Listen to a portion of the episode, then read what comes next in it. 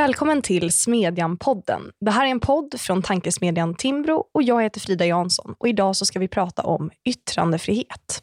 Om ni vill så får ni gärna betygsätta podden i Podcaster och iTunes för att hjälpa fler att hitta hit och tips får ni gärna skicka till smedjan.timbro.se och vi finns som alla andra även på sociala medier. Det är nog ingen som undgått Rasmus Paludans demonstrationer runt om i Sverige. Demonstrationer som lett till upplopp och våld. Trots detta har Paludan yttrandefrihet enligt svensk grundlag och den gäller alla i vårt land. Hur mår yttrandefriheten idag? Varför är den viktig? Och hotas den på något sätt? Och med mig för att prata om detta har jag Sakina Badon som är författare och politisk chefredaktör på Uppsala Nya Tidning och Adam Danieli som läser juridik och arbetar med mig på Timbro. Varmt välkomna båda två. Tack så mycket. Tack så mycket. Sakine, vill du börja med att lägga ut de grundläggande temana i din bok? Ja, alltså boken är ju egentligen ett enda liksom, försvar för yttrandefriheten. Eh, jag går väl igenom liksom själva... Det är ju en så typisk upplysningsidé. Att du ska ha liksom, rätt att uttrycka eh, åsikter och känslor och tankar utan att staten eh, hindrar dig från att göra det. Eh, sen går jag faktiskt igenom alltså, svensk yttrandefrihetshistoria. Jag tycker den är så intressant och eh, otroligt lärorik även för de debatter vi, vi står inför idag. Eh, och argumentationen liksom för yttrandefriheten är tidlös och argumenten mot yttrandefriheten återkommer också genom historien. Det, det tycker jag är väldigt eh, liksom både intressant och fascinerande, men framförallt då lärorikt. Eh, sen har jag en tes. Eh, och Det kommer framförallt till de här debatterna som vi har haft i Sverige i faktiskt snart 20 år om rätten att häda. Um, och egentligen är det, det är ju en gammal liksom, fråga som yttrandefrihetsvänner har bråkat om i liksom, sekler, även i Sverige. Men, men när då um, de här liksom, nyare debatterna om islam, om Mohammed-karikatyrer eh, om koranbränningar, om liksom kritik mot islam. och det, det, Man kan liksom vrida tillbaka tiden till, till slutet av 80-talet när författaren Salman Rushdie kom ut med Satansverserna. Och det blev eh, rabalder, eh, det mördades folk. Eh, han har liksom levt eh, hotad eh, och fick då väldigt tidigt en fatwa mot sig. Eh, och de här debatterna som framförallt då i Sverige har debatterats eh, sen Jyllandspostens tolv eh, karikatyrer som publicerades faktiskt hösten 2005. Eh, den typen av debatter tror jag att vi har liksom glidit lite fel i eh, på grund av ett vad ska jag säga, identitetspolitiskt tänk. Ett väldigt kollektivistisk syn, en kollektivistisk syn på liksom vem som kan hantera yttrandefriheten och inte. Eh, man liksom sänker förväntningarna. Man, man eh, hittar diverse olika liksom välmenande argumentation för att just det här inte ska tillåtas. Liksom, ja, ja, rätten att häda yttrandefrihet är vi alla för, men eh, inte för eh, liksom just den här typen av kränkande uttryck. Det här är att sparka neråt. Och där tror jag faktiskt att min, min bakgrund i Mellanöstern möjligtvis spelar roll. Jag är ändå uppvuxen med liksom äldre anhöriga som har varit djupt troende, rullat ut eh, bönemattan, firat ramadan, men då utan att eh, kräva att alla andra ska anpassa sig till olika regler som finns i, i, eh, inom religionen. Eh, så jag har alltid reagerat mot det här när man liksom säger att ja, men muslimer blir kränkta eller, eller muslimer säger att det här inte ska få förekomma. Och så vänder man sig till liksom enskilda, då, självutnämnda ofta representanter för en grupp. Och Det här gäller ju många olika grupper, men, men i den här typen av frågor har jag liksom märkt det väldigt starkt. Och där, eh, Jag tycker att det är en ganska så här, förminskande syn på medmänniskor. Eh, att man gör den skillnaden. Och Det är ett väldigt typiskt liksom, identitetspolitiskt drag att kräva liksom, särskilda lösningar och, och särbehandling utifrån då våra eh, gruppidentiteter av olika slag. Ehm, och Jag menar att det blir jätte, jättetydligt i just den här typen av, av eh, liksom när hädelse mot islam kommer på tal. Ehm, och sen då, boken handlar ju... Nu blev det ju väldigt aktuellt med rätten att häda och islam hamna i fokus eh, tack vare, liksom, eller på grund av eh, Rasmus Paludan och de här påskupploppen. Eh, men boken handlar ju också om... Eh, eh liksom jag har ett kapitel om det här med, med cancelkultur eh, nätjättarnas liksom godtycklighet i, i när man stänger olika konton, vad det kan få för följder. Eh, också frågan om liksom organisationsförbud som har varit på tapeten eh, politiskt. Eh, det pågår också en utredning om att eh, räkna in eh, förintelseförnekande i lagen om hets mot folkgrupp. Så att, eh, eftersom jag då jobbar med att skriva ledare så är jag ju väldigt intresserad av just hur, vad som händer i, inom politiken. Och det dyker ju också upp såna väldigt tydliga då, skulle jag säga, identitetspolitiska initiativ inom politiken som det här nystartade partiet Nyans. Eh, de vill ju liksom bränna ner Lars Vilks, alltså konstnären Lars Vilks Nimis, eh, förbjuda Mohammed-karikatyrer, eh, förbjuda absolut då koranbränningar, även då ställa de här poliserna då som ens gav tillstånd till Paludan, eh, att de då ska stå till svars för det. Så att, så att deras linje är, ehm, är ju den raka motsatsen mot min.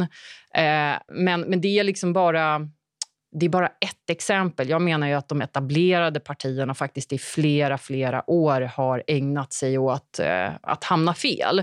Man har tagit in då det man ser som invandrarrepresentanter i sina riksdagsgrupper, eh, som kandidater på olika platser, eh, i, i, som nämndemän i tingsrätt och så vidare som inte delar då partiets värderingar om eh, jämställdhet, hbtq-frågor och så vidare.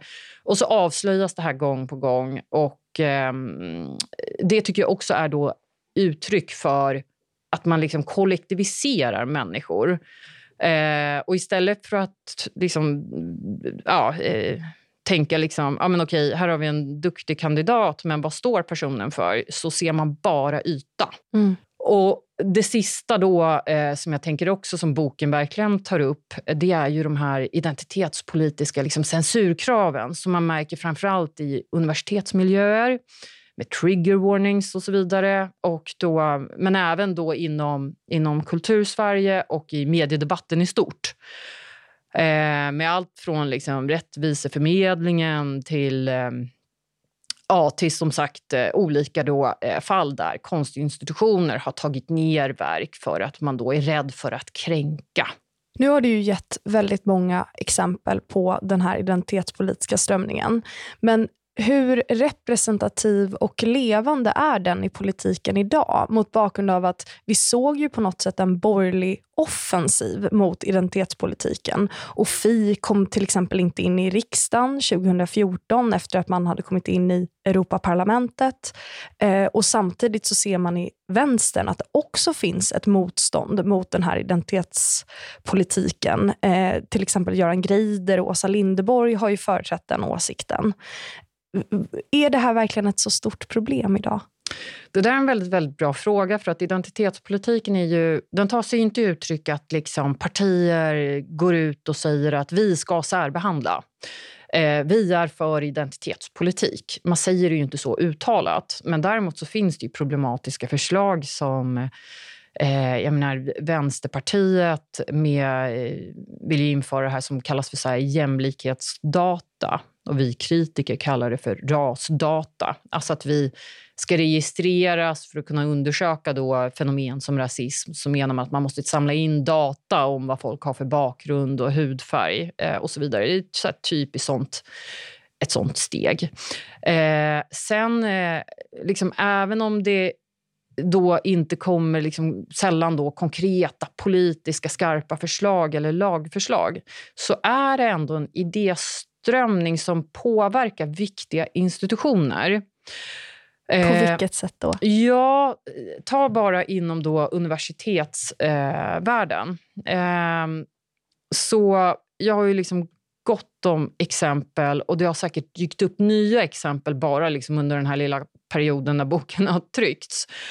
Eh, men, men det det blir som ett, man ska säga, liksom en tjock våt filt. Eh, och även om det inte är så att någon liksom, akademiker inte hindras att kritisera de som företräder den identitetspolitiska liksom, aktivismen så är den väldigt styrande för att den har ofta stöd uppifrån. Eh, och En liksom klassisk konflikt brukar vara att någon lärare på ett universitet eller liksom någon professor har gått ut och sagt någonting. Eh, till exempel då, eh, det, det, är ett liksom hyfsat färskt fall i alla fall, eh, som var ganska talande. och som liksom, Det här mönstret känner jag igen från många olika eh, liksom liknande debatter. Det uppstod då en debatt om eh, Konstfacks sal Vita havet.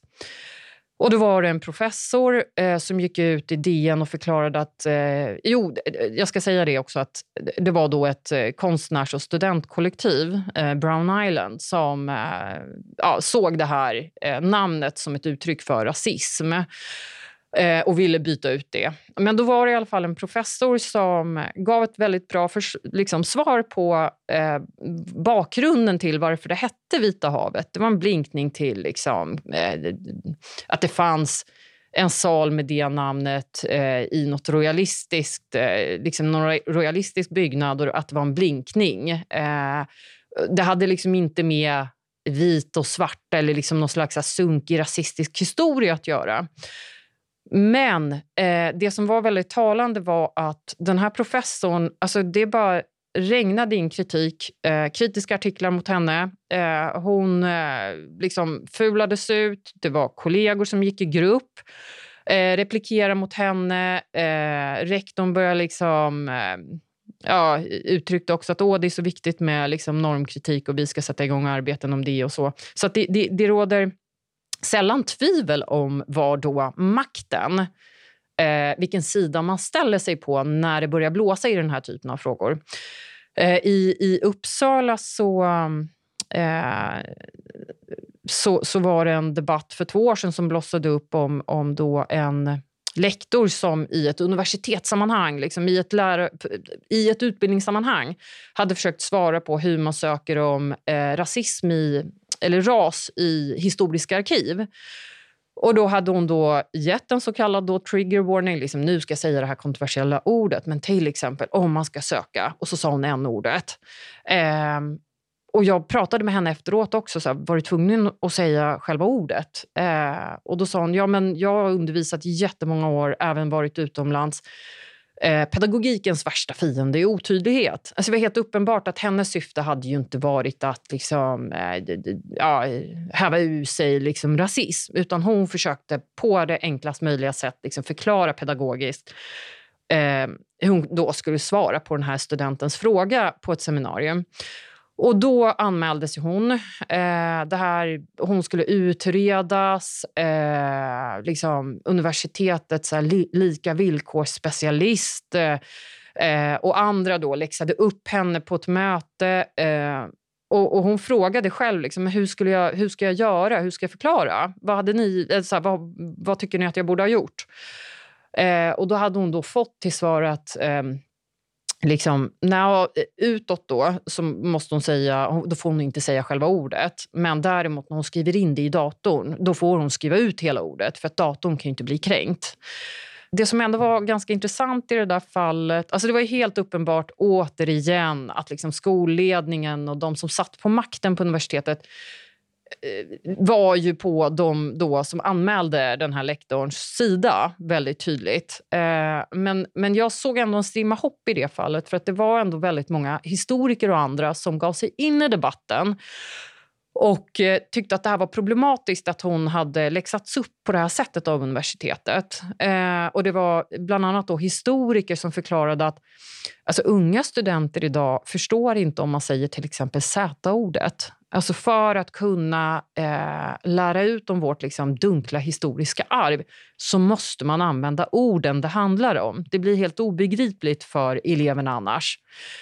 Så det är alltså eh. missvisande att beskriva det som att det är en kultur som kommer underifrån utan någon institutionell backning, utan det finns ja. att säga eh, stråk av den här kulturen även i institutionerna menar du? Ja, absolut. Och jag menar, jag ska inte dra alla exempel, men det, det är framförallt då inom ämnen som anses vara lite känsliga. Det kan vara eh, eh, liksom genus, eh, antirasism, rasism eh, och så vidare. Och jag får ju, ju mer jag skrivit då, i den här typen av frågor så får jag ju liksom källor inifrån universiteten som reagerar också på Senast var faktiskt här i vintras eh, en person från, från KTH som hörde av sig om att eh, eh, liksom, ja, då erbjöds de anställda då en en föreläsning inom då mångfald och, och jämlikhet och så vidare. Eh, och, och, Den föreläsningen var liksom väldigt tydligt identitetspolitisk. Eh, man tog upp eh, bland annat då de här böckerna som har varit väldigt populära i USA i samband med Black Lives Matter. Eh, Vit skörhet, eh, den svenska titeln. Då, och eh, så blir du en antirasist, tror jag den svenska titeln är på den andra. Eh, och de, jag menar, Vit skörhet, som toppade boklistorna i USA under, alltså för, för två år sedan. Eh, där skriver ju författaren tydligt eh, att det här är en identitetspolitisk bok. Eh, den är väldigt ideologiskt tydlig och det är det som jag tror har gjort den väldigt framgångsrik. Men det är liksom, svenska högskolor och universitet tar ju liksom, om man bara har den typen av föreläsningar som hänvisar till liksom, identitetspolitiska teorier och krav då blir ju det någonstans det som... Alltså signalen blir ju att KTH står för det här. Eh, och egentligen så... Jag är ju inte för någon slags... Det kommer ju i många länder en slags högerreaktion. Eh, man skulle kunna säga som att liksom... Eh, den här identitetsvänstern liksom möts av då alt-right. Eh, och det, det, det, finns ju i, i USA eh, så finns liksom republikaner som driver då krav om att man ska förbjuda vissa teoribildningar eh, från, och, från i undervisning. Ehm, och, och såna här I andra västerländska eh, liksom, länder, även Danmark, så har partier liksom gått samman och sagt att ja, men vi ska ta emot mot då, eh, hoten mot yttrandefriheten på universiteten. Och Jag tror ju inte att liksom, lösningen är någon slags liksom, censur från högerhåll. Eh, utan är man för liksom, universitetens frihet eh, så måste man vara vaksam även då när, det, när den motreaktionen kommer. Och På liknande sätt ser man ju också inom, kultur, inom kulturpolitiken där, där eh, liksom Sverigedemokraternas linje är att ja, men vi, då, då förbjuder vi liksom, provocerande samtidskonst i Staffanstorp. Eh, så att... Eh, eh, där menar jag att liberaler har en viktig uppgift i att ständigt försöka stå upp för då yttrandefriheten eller den akademiska friheten eller den konstnärliga friheten. För att det finns krafter från två olika håll eh, som definitivt är väldigt selektiva när det kommer till yttrandefrihet. Eh, den ena sidan tycker det är jätte, jätte lajbans och jättebra med, med provokationer eh, som Mohammed-karikatyrer och den andra sidan är emot. Och sen och visa, alltså, de byter liksom hållning eh, och Sverigedemokraterna tycker det är ett problem med gangsterrap i, i public service. Eh, så det, det är liksom två falanger som är selektiva. Eh, de vill att liksom ja, det, det de kan tolerera ska accepteras, men, men, inte det andra. Och så vill man, man vara inne och peta i bidrag eller i, i statlig styrning. Eh, så det finns det, ingen allmän mänsklig princip bakom nej, som gäller åt båda håll? Nej, precis. Och själva liksom, yttrandefriheten är ju... Och det här är ju ett liksom brett missförstånd att liksom yttrandefrihet skulle vara någon slags... Ja, men det är de här fina, mysiga åsikterna ja, men då har man ju inte begripit principen för fem öre. Yttrandefriheten måste ju försvara det som är varje tid anser är vulgärt och, och hemskt. Eh, jag menar, det är ju inte så att eh, jag sa det till, till Aftonbladets politiska chefredaktör Anders Lindberg i, i en aktuell debatt om just yttrandefrihet och demonstrationsrätten. att alltså, det, är ju inte, det är inte vår alltså hans och min yttrandefrihet som någon ifrågasätter. Vi säger ju i princip liksom allt vad vi tycker och tänker och har liksom som jobb att uttrycka det. Det är inte vår yttrandefrihet som eh, är hotad. Utan det är just när det är de här svåra avgränsningarna och när, när man kommer in på då, oj, folk blir kränkta och upprörda och det blir upplopp. Det är ju där yttrandefriheten är hotad på allvar och det är där försvaret måste vara som starkast.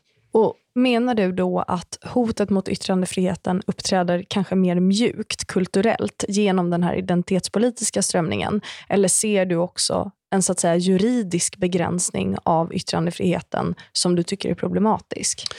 Alltså det kommer ju krav på att eh, koranbränningar till exempel då, eh, borde räknas in, in, som hets mot folkgrupp.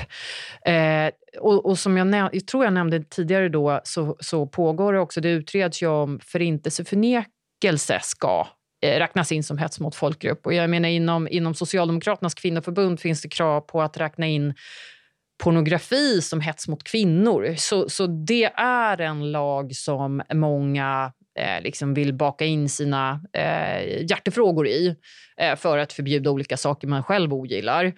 Ehm, Jo, du nämnde det här med liksom det här sociala trycket. Ja, det tror jag är otroligt starkt. Jag menar, ta bara på universitet och högskolor. En av få kritiker i, i den typen av debatter det har ju varit Bo Rothstein. Mm. Men han är liksom äldre, han är etablerad, han har inte så mycket att förlora på att vara frispråkig i debatten. Men det jag märker, liksom, och de som hör av sig till mig, så är det ju definitivt eh, liksom, vad ska jag säga, åsiktskorridorer i den här typen av frågor. Få som vågar ge sig ut. Många som hör av sig under ytan och typ-, tipsar. Men, och samtidigt kan jag på ett sätt förstå att, jag menar även om eh, det är klart att varken jag eller någon akademiker som kritiserar identitetspolitiska trender liksom, eh, åtalas för det. Men jag kan ju förstå att är du ung, ny, ny eh, liksom en akademisk karriär eller ny på någon konstinstitution så är det klart att det, det blir ett hinder att våga kritisera.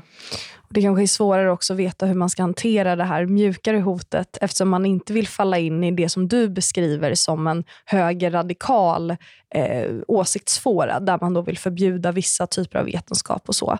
Eh, jag tänker Adam, vad är hets mot folkgrupp och vad finns det för juridiska begränsningar av yttrandefriheten? Ja, jag tycker att det har varit jätteintressant att lyssna på sakerna och jag ser jättemycket fram emot att läsa den här boken. Och Vi kommer in lite grann på den kanske mest uttryckliga begränsningen som finns i svensk rätt av vad man får tycka. Vi har ju väldigt mycket andra regler som handlar om ja, men uppvigling och man kan eh, eh läcka nationella säkerheter till främmande makt och sådär. Det är ju begränsningar som, som också finns. Men hets mot folkgrupp är väl den tydligaste begränsningen av vad man faktiskt får säga. Det är ju liksom en ren innehållsbegränsning. Eh, um, ehm, har, du, du nämnde att du hade kollat igenom hur, hur historien ser ut. Det här är ju inte en, en ny lagstiftning. Det är inte en ny eh, idé. Eh, så som den ser ut idag, den här regeln, eller den här, ehm, det här straffbudet, kom på, i början på 2000-talet. Den sista grunden som lades till, eh, vad, man, vad som är en folkgrupp, vad, vad är sexuellt uttryck. Eh, men alltså, det, det handlar helt enkelt om att om man i ett uttalande eller på annat sätt sprider missaktning för en grupp eh, som hans ansetts särskilt skyddsvärd enligt vissa grunder kan man dömas för hets mot folkgrupp. Eh, och det här har försetts med vissa begränsningar. Oftast är det inte straffbart att uttala sig i en privat krets och det är inte heller straffbart om det, så som det heter, är en del av en saklig och vederhäftig debatt. Eh, men det här är ju någonting, precis som Sakari var inne på, som många vill skona in sitt eget begrepp på. Jag menar, om man tittar på hur det började så fanns det en en uttrycklig vilja att dels skulle vi skydda liksom, den kristna värdegrunden och dels skulle vi skydda vissa utsatta minoriteter. Och Det här var strax efter andra världskriget. Eh, idag så är det ju mer en slags begränsning av vad som är ett anständigt samtal. Alltså vi, vi har förbjudit vissa yttranden som handlar om sexuella minoriteter eller religiösa minoriteter som kanske inte egentligen är förföljda utan som vi bara som samhälle har tagit avstånd ifrån. Och Det här är ju en det här blir intressant i, i samband med Paludans eh, manifestationer eh, i samband med påskhelgen. Där, för där är man ju någonstans i gränslandet av vad som faktiskt är kriminaliserat. Jag tycker att det är ganska intressant att många har tyckt att det är så fantastiskt självklart att man givetvis ska kunna bränna den här, den här Koranen och tycker att det helt, skulle vara helt befängt att komma med påståenden om att man ska eh, förbjuda det. Men samtidigt så är man ju precis på gränsen. Hade det varit andra typer av, av eh, skrifter som hade en koppling till just de här grunderna, då hade det faktiskt varit olagligt. Men varför är det inte hets mot folkgrupp då, att bränna en Koran? Ja, det här har väl egentligen aldrig prövats, men jag tror att den, den tolkning som man gör, och Malmöpolisen gjorde faktiskt en annan tolkning, man polisanmälde Paludan för just hets mot folkgrupp, det är ju att muslimer inte är en av de här folkgrupperna. Så hade det varit en etnisk grupp till exempel som han hetsade mot på något sätt, då hade det varit straffbart. Men muslimer är inte en folkgrupp och att den här Koranen eh, är alltså inte associerad med en sån grupp, grupp som är skyddad i, i lagstiftningen. Och vad, Hur tänker du kring den här lagstiftningen, Sakina? Tycker du att den är positiv eller ser du några gränsdragningsproblem eller vill du avskaffa den helt och hållet? Ja, alltså jag har faktiskt några förslag i, i slutet av min bok eh, där, där jag skriver just slopa lagen om hets mot folkgrupp och sen lite mesigt då, eh, punkt, punkt, punkt efter rubriken. Mm. punkt, punkt, punkt, eh, eller omformulera den. Mm. Eh, för att jag, tyck, jag tänker så här, lagstiftningen ska vara jättestark och rättsväsendet ska verkligen stå bakom eh, offer för hot, eh, uppvigling, alltså hets i meningen att man liksom står på Sergels torg. Det var ett fall för några år sedan eh, då, då dåvarande då, vice ordförande för Turkiska riksförbundet hetsade mot armenier och skrek att blodet ska flyta. Och, och jag som eh, kan turkiska kunde också höra att folksamlingen som var där på plats skrek ju i kör. När talaren skrek liksom död så, så ropade de också ölüm Eh, och det, där, alltså, det, det, tyckte jag var ett ganska här, tydligt fall på ja, det här är liksom, uppvigling. Man piskar upp eh, hat mot människor och det riskerar ju att leda till att få fruktansvärda följder. Eller då om, om högerextremister hotar mig för att jag ska sluta eh, liksom synas i, i eh, media eller kunna uttrycka mina åsikter. Eh, där vill jag ha en väldigt liksom, stark eh, rättsstat. Alltså jag, där vill jag ha en skiljer, stark lagstiftning. Men vad är det som jo. skiljer mm. koranbränningen? För det fick ju också fruktansvärda följder med upploppen. Ja, fast då var det ju inte, då var det ju inte Rasmus Paludan som eh, liksom startade igång de här upploppen. Det var ju inte han som gick runt och slog folk eller hade försökt ha ihjäl poliser. Så man måste någonstans här Eh, alltså, och Det här tycker jag också har varit så himla fascinerande. Man blandar liksom ihop eh, kriminella handlingar med eh, liksom vem som råkar då vara provokatören i, i ett ärende. På samma sätt var det faktiskt med argumentationen mot konstnären Lars Vilks. Trots att han utsattes för mordförsök, eh, terrorattentat så återkom det att liksom det, var, det var på grund av honom män, andra människor hade dött. Det var på grund av honom eh, det blev upplopp och människor kände sig otrygga. Medan jag, jag, jag tror man måste vara ganska liksom, tydlig med vem är det som faktiskt gör det brottsliga med de här påskupploppen och påskkravallerna. Eh, det, nämndes nu att, eh, att det här med koranbränning inte har prövats. Det är möjligt att det kan prövas liksom ytterligare ett fall eh, ytterligare ett varv. Men för två år sedan tog faktiskt åklagare och tittade på, då, på mm. just koranbränningar. Och Då landade man i att koranbränning i sig inte ska ses som hets mot folkgrupp. Men för mig personligen, alltså, jag är ju inte jurist, eh, men för mig är det Alltså jag är väldigt kritisk till liksom lagen om hets mot folkgrupp för att den förbjuder missaktning. Jag tycker att det är ett för allvarligt ingrepp i yttrandefriheten. Men eh, att liksom ge sig på religion. Eh, och Det måste man ju se till den här enskilda handlingen. Vi måste ju ändå dömas för vad vi gör. Inte för att vi i övrigt är puckon eller rasister eller vad vi liksom råkar vara. Eh, så, så tycker jag att, liksom, att bränna ett exemplar av en bok är inte att stå eh, liksom inför en uppretad folksamling och skrika att människor ska dö eller människor ska dödas eller att blodet ska flyta. Och Liknande argumentation har ju också funnits då mot Mohammed-karikatyrer, att det också ska räknas in som hets mot folkgrupp. För mig är det faktiskt absurt. Jag tycker att man måste skilja på religion, ideologi, eh, stat röster. Jag menar, det, det har stått människor med all rätt och manifesterat utanför ryska ambassaden på grund av kriget i Ukraina. Eh, alltså man måste ju skilja på det och mot då, eh, hets eller liksom rasism mot olika folkgrupper.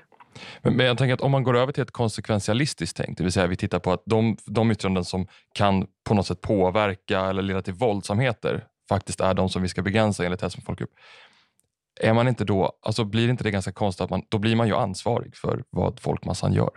Ja, men det tycker jag inte man ska... Alltså, det tycker jag är, det, det där är en faktiskt väldigt, väldigt viktig invändning. Eh, det, här, det vill man ju inte... Ja, där var man ansvarig, men, Lars, eller, men, men eh, den här danska personen var inte det. Ja, alltså där tycker jag att han var ansvarig för att han själv uppmanade till blodet ska flyta och så vidare. Det tycker jag är en ganska tydlig skillnad. Mm. Eh, men skulle det vara så att pa eh, Paludan liksom stod och, och ropat och vi ska göra det här och det här mot muslimerna, eh, mm. eh, blodet ska flyta, där menar jag att då hade ju gränsen liksom definitivt varit passerad. Så det beror lite på vad du själv uttrycker. Mm. Men så länge han bara då håller sig till att bränna Koranen, då tycker jag, om vi då tar det här Sergels torgsfallet och drar parallell till det, det skulle vara som att den här vice ordförande för Turkiska riksförbundet brände en armensk flagga Eh, det tycker jag skulle vara liksom motsvarande. Så det beror ju mm. väldigt mycket på vad du själv uttrycker. Men det är ju vad du säger och vad du gör som mm. någonstans måste stå i centrum. Det kan inte vara så att liksom motdemonstranter ska kunna då styra gränserna för yttrandefriheten. Vi har ju hamnat lite i det läget idag. Jag kan förstå polisen som inte vill dela ut fler tillstånd till honom i detta nu av just säkerhetsskäl. Men det är ju ingen liksom optimal lösning på, på längre sikt. Då måste ju lagen vara jättetydlig med vem är det som ska lagföras. Eh, och vem är då den skyldige? I, I debatten hittills tycker jag man blandar ihop det där hej vilt. Eh, från politiskt håll eh, har jag också röster om att liksom, ja, problemet är att vi har en så vid eh, och, och stark demonstrationsrätt istället för då vad var det som gjorde att polisen inte kunde upprätthålla lag och ordning? Hur, liksom, hur sprider vi eh, hur står vi bättre upp för demokratin? Hur lär vi ut liksom, varför vår lagstiftning ser ut som den gör? Istället för då att gå de här våldsverkarna till mötes. Men om man tänker på det här våldet, eh, man ska ändå på något sätt ändå laborera med det när man eh, delar ut demonstrationstillstånd. Eh, är det rätt att göra det? Att ta in det så att säga i ekvationen?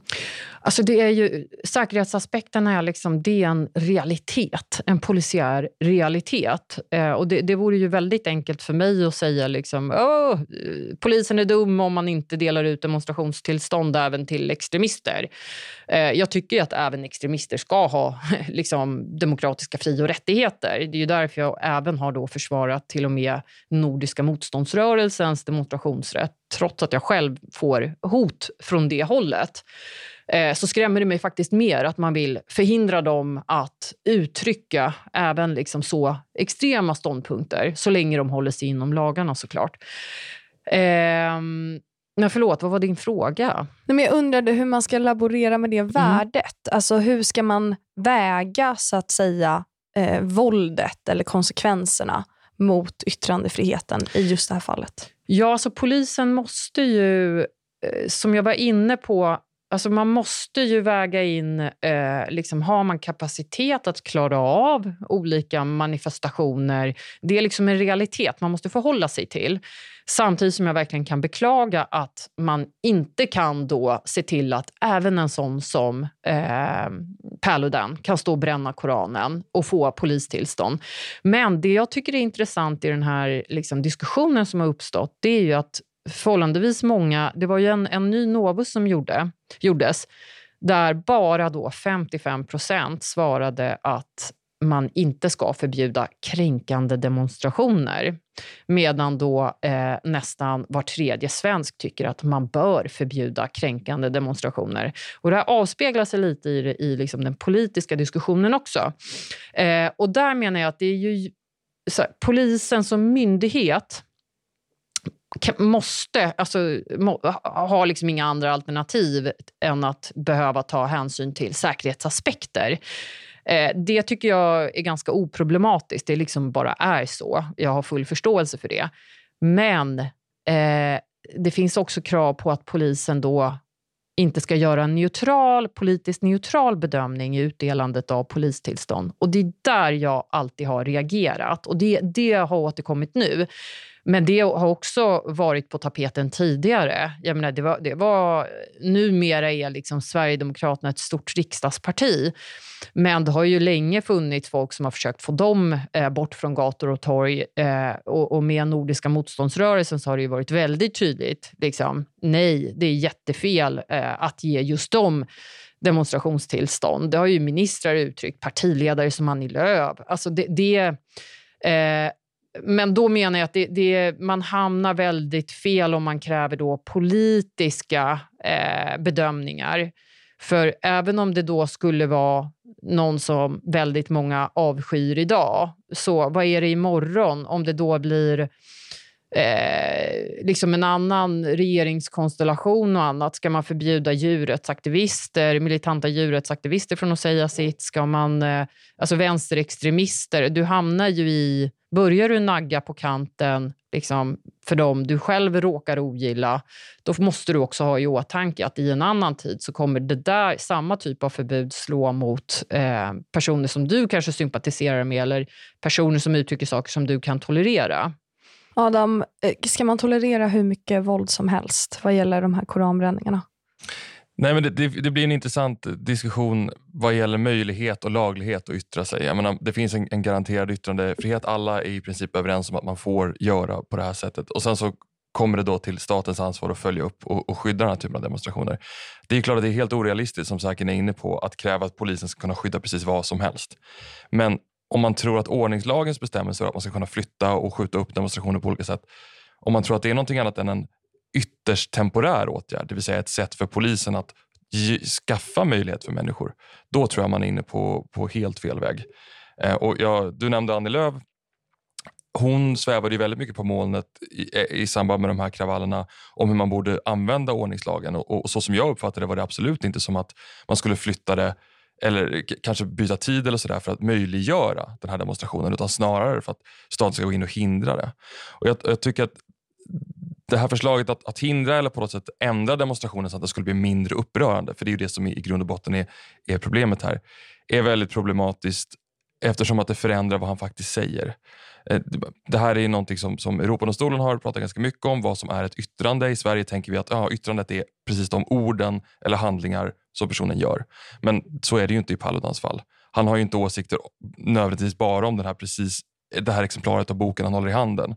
Utan han har ju en åsikt om det svenska samhället, eh, integrationsproblem, vad människor tycker. Och det kommer ju inte alls fram om du flyttar den här demonstrationen mer än vad som är absolut nödvändigt. Så att jag, jag tänker att det här den här möjligheten som människor har hittat att ah, vi kan använda ordningslagen, hävda att det är ordningsstörningen som är problemet och så kan vi röja undan det grundläggande problemet att vi inte kan kan yttra oss och att polisen inte klarar av att skydda vissa yttranden. Då har man gjort det väldigt enkelt för sig. När de flesta politiker har kommenterat det här, eh, Annie Lööf har ju varit inne på ordningslagen och huruvida man kan flytta den här demonstrationen. Eh, men de flesta politiker har sagt att det är jätteviktigt med yttrandefrihet, men mm. Paludan är en idiot. Det har varit så att säga den gemensamma talepunkten från politiken. Vad tycker ni om den, Adam? Nej, men jag tycker att det är väldigt intressant när man pratar om att ah, okay, vi ska ha, eh, som säkert var inne på, yttranden för Anders Lindberg eh, och, och liksom ledarskribenter, den är ju inte ifrågasatt av någon. Utan yttrandefriheten aktualiseras ju egentligen bara när det är människor som vi verkligen, verkligen inte tycker om. Eh, och, och just Palmas fall skulle jag faktiskt vilja ifrågasätta de som, som säger att ja, men det här är ett yttrande som kanske inte är så himla nödvändigt. Det finns väl få yttranden i Sverige under de senaste åren som har varit så Alltså det här, i, I ett normalt politiskt klimat så skulle ju det han har gjort kunna få en justitieminister att avgå eller en polisledning att avgå. Det här är väl ett oerhört viktigt yttrande, även om man inte håller med om det. Så att den här tanken att han är en idiot, ja, men, men även idioter kan ju belysa fel och brister i, i, i samhället. Så att det, där, det argumentet är väldigt... Eh, att han skulle vara på något sätt, att det här skulle vara ett yttrande som ja, ja, det faller lite utanför den normala diskursen. Nej, det är ju precis tvärtom. Det här har ju hamnat mitt i centrum. Men tänker inte de här personerna som pekar på nödvändigheten just på konsekvenserna? Och upploppen. Gör de inte den avvägningen som ni har diskuterat nu också? Jo, absolut. Men man har ju pratat om hur man ska kunna använda de här upploppen för att begränsa honom. Snarare än att säga så här, okej, okay, vad behöver vi ändra? Behöver vi ha en speciell del av polisen som håller på med det här? Behöver vi ha speciella, eh, behöver vi ordningslagen förändras? Behöver vi speciella föreskrifter? Eh, någon myndighet som håller på med de här frågorna? Jag vet inte. Det har jag lite grann saknat. Det har bara varit så, släcka branden. vi måste jag... tänka institutioner. Ja, precis. Alltså viktiga poänger där. Eh, men, men sen vill jag bara påminna om att alltså, han brände faktiskt Koranen i februari i Göteborg och Malmö. Och det blev... Eh, ja, men det, det, var väl några tidningar som möjligen liksom skrev om det, men det blev ju inte alls den här typen av eh, liksom upplopp. Och Det gör ju att jag tänker att det är liksom flera olika faktorer som har spelat in för att det blev eh, så tragiskt som det faktiskt blev. Eh, det kan ha haft att göra med att det var liksom röda dagar över påsk. Polisen hade kanske svårt att mobilisera. Mm. Eh, det kan vara ja, men det, det, är finare väder, så många unga kanske var ute. Eh, alltså det, det, finns en massa olika... Eh, liksom, jag tror att det är, det är väldigt fel att tänka att ja, men bara för att det spårar ur över påsk så betyder det att det kommer bli på det här sättet varje gång då demonstrationsrätten ska värnas. Jag tror det är en, det, det är en alldeles för snabb eh, slutsats. Samtidigt som det är klart, ingen vill ju att det ska bli eh, som det blev över påsk. Men eh, alltså, Paludan var ju i, alltså nu på första maj i söndags, eh, så, så ja, han hann väl knappt liksom gå ur sin bil utanför moskén i Uppsala förrän han, han jagades bort och eh, folk hoppade på bilen och, och eh, liksom ville, ville, få tag i honom. Eh, men han lyckades liksom tas bort och så lämnade han Uppsala.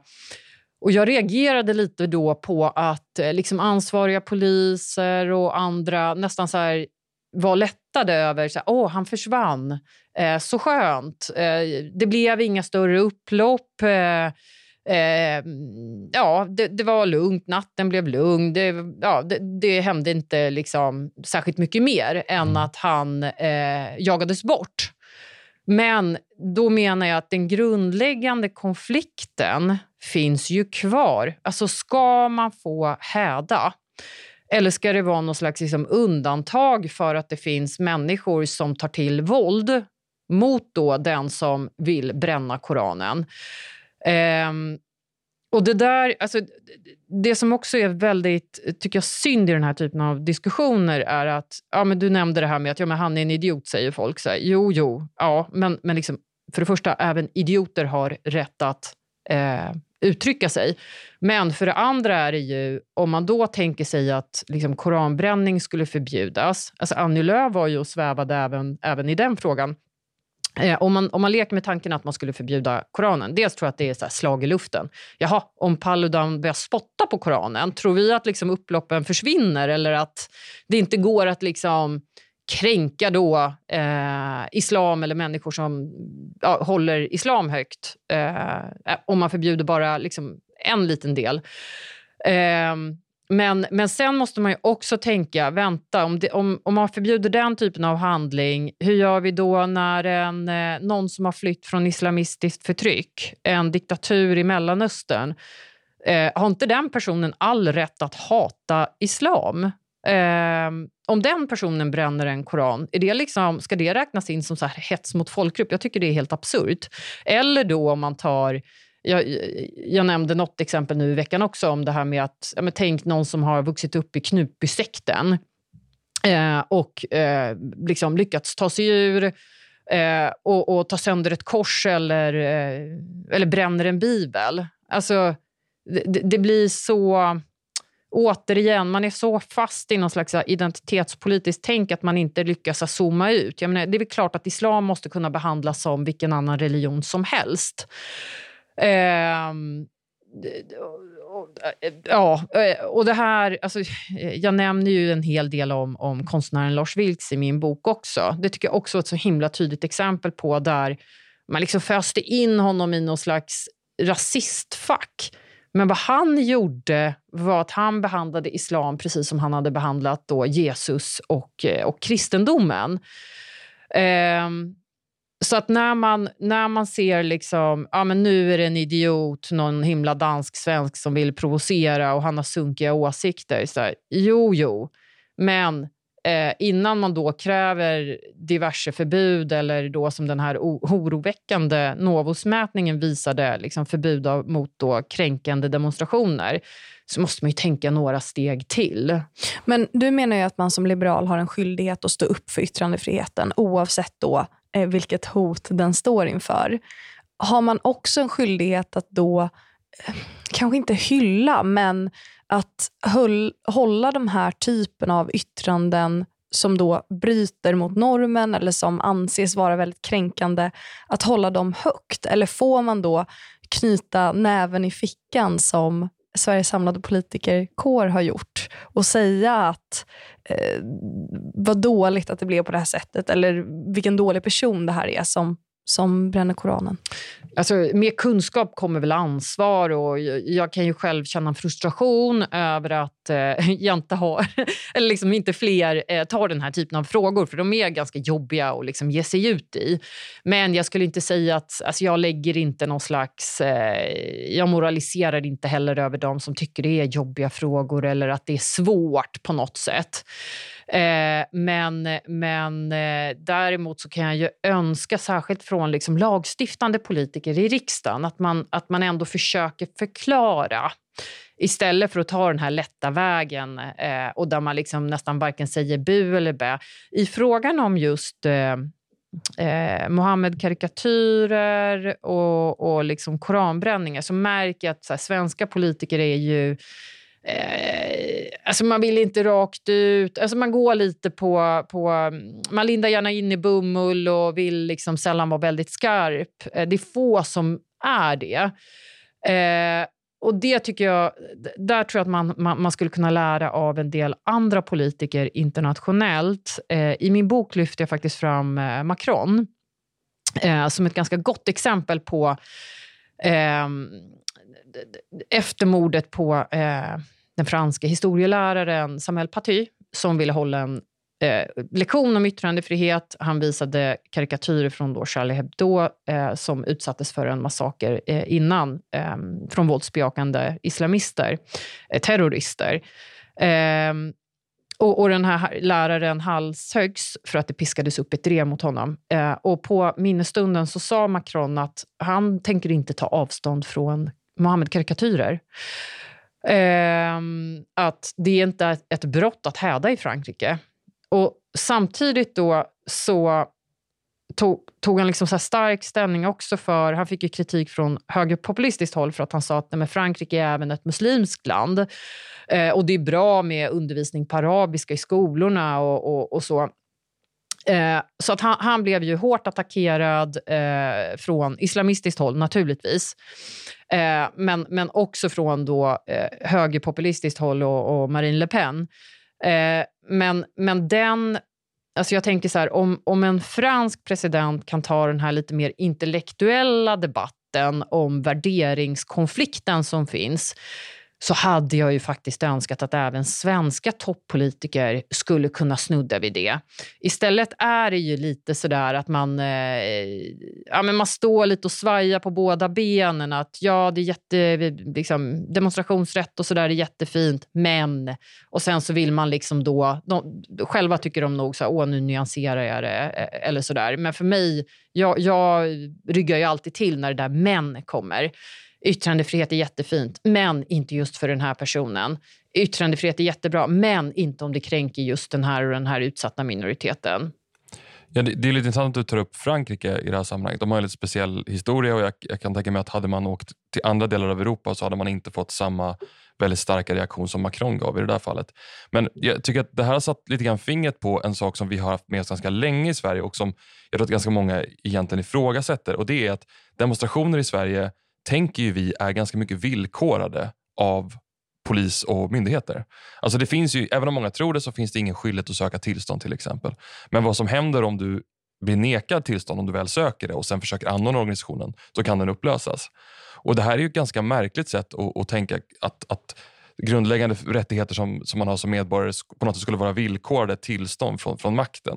Men det är på något sätt det är väldigt svenskt på, på sätt och vis att man tänker att ja, men vi, vi ska gå till polisen och få våra tillstånd, då kan ju inte, då kan ju inte den här demonstrationen vara så superkontroversiell. Det finns liksom ett helt annat sätt att förhålla sig. I andra länder tror jag mer att man hade tänkt så här, vi demonstrerar och tar plats och yttrar oss och kritiserar och sen så får, får myndigheterna hantera det. I Sverige så går vi till, till, till polisen och så söker vi, söker vi tillstånd. Den här typen av medborgerliga rättigheter är liksom villkorade i Sverige. Det, är slags, det finns någon slags symbolik i det. Um, sen så tänkte jag, en, en annan sak jag funderar på här, det är ju att många andra länder har ju en annan syn på yttrandefrihet som, som jag vet inte riktigt vet hur du ställer dig till, saken, nämligen att, att det finns olika typer av yttranden. I Sverige så har vi en generell yttrandefrihet, det finns några undantag, men det spelar ingen roll om du yttrar dig i politiska sammanhang, religiösa sammanhang, om du bara tycker om en viss popgrupp, om du bara liksom gillar en viss typ av eh, pornografi, ja, men då får du liksom, alla yttranden värderas lika. Så är det ju inte i Frankrike och så är det ju inte i stora delar av den anglosaxiska världen. Och så som jag uppfattar ditt argument Sakine, så är det ju att de politiska yttrandena, det är de det här handlar om. Det är de som kan liksom, de, de, de som påverkar debatten. Men finns det, vad är argumentet för att vi på något sätt inte ska införa, till exempel vi nämnde att S-kvinnor hade något förslag om, om det här väldigt särat feministiska om att begränsa pornografi. Det är ju inte ett politiskt yttrande. Vad är argumentet i, i, i grund och botten då? Jag är lite osäker på om jag förstår eh, hur du menar. Men, men det är klart att olika länder har ju olika liksom, tradition på det här området. I USA så har man ju inte någon motsvarande hets mot folkgrupp. Eh, medan man då i centraleuropeiska länder har förbud mot eh, liksom både förintelseförnekande och, och mot då, eh, vissa typer av organisationer. Mm. Alltså någon slags partiförbud. Um, men, men själv är jag, jag gör inte riktigt en skiljelinje mellan liksom politiska yttranden eller inte. Sen råkar jag själv vara väldigt intresserad av just rätten att häda och av de här politiska förslagen då om att ge sig in i demonstrationsrätten mm. och så vidare. Det har ju med mitt liksom, politiska intresse att göra. Eh, men, men egentligen skiljer jag ju inte dem åt. Och jag hade lika väl kunnat lägga viss tyngdpunkt på liksom övriga idéer om eh, inskränkningar i yttrandefriheten. Jag menar, vi har varit inne och snuddat på lite olika grejer. Det kan ju ha att göra med med allt från liksom, såna porrfilter eh, som är väldigt populära på senare år till liksom, förtalslagstiftningen och eh, alltså det, medel, meddelarfriheten. Alltså det finns ju hur mycket som helst. Men det jag framförallt koncentrerat mig på liksom i, i boken, det är ju det som jag uppfattar som, ja, men som just ha, äh, gränsar till, kring det här eh, om liksom identitetspolitik mm. och den typen av censurkrav som har funnits i debatten på, på senare år. Men visst hade det kunnat gå att bredda. Det, alltså frågan har ju hur många olika dimensioner som mm. helst. Vi, vi pratar liksom om det lagliga och det lämpliga. Um, om man kollar på de lagliga begränsningar som finns på yttrandefriheten och som har införts. Vi nämnde att det finns förslag om förintelseförnekelse. Jag har svårt att tro att det skulle gå igenom. Men, men de lagliga begränsningar som har kommit på senare år, som vi inte har nämnt här, det är ju de som har med integritet att göra. Mm. Till exempel så, så um, olaga integritetsintrång är väl det största exemplet när man liksom begränsar möjligheten att yttra sig eller visa olika framställningar på personer i väldigt utsatt situation. Där har vi inte alls haft samma diskussion. Och Då funderar jag lite grann om vi går mot ett system där det är väldigt tydligt att just politiska yttranden hyser en väldigt stark ställning men där vi tolererar mer och mer begränsningar kanske av, ja men prata om meddelarfrihet, offentlighetsprincip, alla de här sakerna som är motiverade med integritetsintrånget. Så jag vet inte om, om den här, att bara säga yttrandefrihet som allomfattande tror jag inte riktigt räcker. Men är det inte samma avvägning man gör då? Om man tänker till exempel förtalsbrottet som Sakine tog upp. Mm. Då gör man ju också en avvägning där du väger någon typ av yttrandefrihet mot skada egentligen. Eh, så är det egentligen så stor skillnad i, i den principiella avvägningen? Ja, även alltså, om du kollar på hur man bedömer förtal, nu ska vi inte bli alltför tekniska kring just det brottet, så är ju den politiska yttrandefriheten är ju alltid lite mer högre, lite högre skyddad. Där, där får man gå lite längre i förtal, där får man gå lite längre i, även i hets på folkgruppslagstiftningen med, med tanke på det här, den här regeln om, om eh, vederhäftig debatt. Um, så jag tror att så här, vi, vi, vi värderar ju den politiska yttrandefriheten väldigt, väldigt starkt och, och, bör fortsätta göra det. Men vi värderar den nog yttranden lite lägre kanske i andra, i andra men, fall. Men det har ju också varit en väldigt stor diskussion kring förtalsbrottet med anledning av metoo. Alltså där kvinnor har velat berätta sina historier mm. om hur de har blivit utsatta för sexuella övergrepp. Men där bevisningen så att säga för själva brottet kanske inte har nått upp till beviskravet som gäller i brottmål. Mm. Så att det har ju funnits en stor diskussion om yttrandefrihet även i den kontexten. Mm. Och här är väl den relevanta avvägningen där är väl så här, juridiken slits ju mellan att å ena sidan skipa rättvisa i det enskilda fallet och å andra hand eh, etablera institutioner och ge människor incitament. Och de här två sammanfaller ju inte i de här fallen. Man kan tycka att en, en person som blivit utsatt för ett brott, även om det inte går att styrka i alla i lagens mening, borde kanske kunna få berätta sin historia. Men ger vi den personen det lagliga utrymmet, då har vi också underminerat institutionen, att människor måste skyddas på något sätt från att bli beskyllda allt för, för slappt eh, för brott. Så att jag menar, i, i det här fallet så kan det faktiskt finnas tillfällen då det, man borde kanske ha fått yttra sig i det enskilda fallet, men vi kan inte tillåta det för att på längre sikt så får det stora konsekvenser. Finns det någonting i dina resonemang om yttrandefrihet som går att tillämpa i den här typen av fall, där det är alltså andra yttranden som inte är politiska, vad gäller integritet eller Alltså jag, tycker, jag tycker den här förtalsfrågan är väldigt, väldigt svår. Alltså jag kunde verkligen känna sympati med en del eh, liksom, kvinnor då, framförallt som eh, ville berätta och den frustration som det måste vara om man då har varit utsatt för, eh, för sexuella trakasserier eller till och med våldtäkt. Att, alltså, jag kan ju förstå eh, liksom viljan att berätta eller dela med sig eller kanske varna för någon man tycker har gjort, eh, begått ett övergrepp liksom, och så vidare. Men, men samtidigt kan jag verkligen förstå rättsväsendets eh, perspektiv också. Och det finns ju, det tycker jag är väldigt problematiskt. Alltså, det finns ju eh, nätverk och aktörer som går runt och, och avslöjar då eh, folk som eh, chattar med vad de tror är minderåriga. Eh, och sen eh, åker man ut och då haffar de här, ja, liksom, som man kallar för pedofiler eller eh, ja, allmänt liksom, alltså människor som verkligen har gjort bort sig. Eh, som tror att de ska träffa någon, någon liksom 13-årig flicka på per perrongen eh, och istället blir filmad och så lägger man ut det här eh, och så. Och det jag kan tycka att det är problematiskt eh, för att rättsväsendet behöver ju hantera just när det kommer till den här typen av frågor när man har väldigt starka känslor. Det är ju väl ytterst, ytterst få som sympatiserar med pedofiler. Eh, men, men det gör ju att rättsväsendet måste ju eh, liksom vara fortsatt starkt. Men om jag ska dra en parallell till det jag har skrivit om så tänker jag ju mer att man ska alltid vara vaksam för när det blåser väldigt starka opinionsvindar. Eh, det kan ha gjort det under metoo. Det gör det definitivt när man pratar om... liksom eh, jag tycker att man, liksom, vi importerar ju även någon form av liksom, sexualmoralism, eh, framförallt från USA eh, som jag tycker är väldigt problematisk. Och Det tycker jag man kan märka i liksom, såna nakenhetsdebatter och liknande. Och det spiller säkert över i de här kraven på liksom, att förbjuda, eh, liksom, eh, förbjuda mer eh, på nätet. Eh, och, och, Det där ska man alltid vara lite vaksam mot. För att är det någonting som historien lär oss det är att de här vindarna skiftar åt olika håll. Eh, och I en tid kanske liksom argumenten då för att förbjuda kommunister har varit väldigt stark under andra världskriget på 30 och 40-talen. Medan nu är det liksom Nordiska motståndsrörelsen eller eller då eh, integritetsfrågan som på något sätt glider förbi utan att många, många reagerar. Och, och i, med Rysslands krig mot Ukraina så fattade EU ett beslut om att förbjuda sändningar av RT och Sputnik som propagandakanaler då för, för Ryssland. Att man ska hindra liksom sändningar inom EU. Det tycker jag också är problematiskt. Att när alla liksom rusar åt ett visst håll så får den typen av liksom censuridéer eller förbudsförslag sällan hård kritik. Mm. Och det finns det alltid en fara med. Det finns mycket att prata om vad gäller det här ämnet, men jag tänker att vi ska runda av. Tack så jättemycket Sakin Malon och Adam Danieli för att ni var med. Tack. Tack så mycket.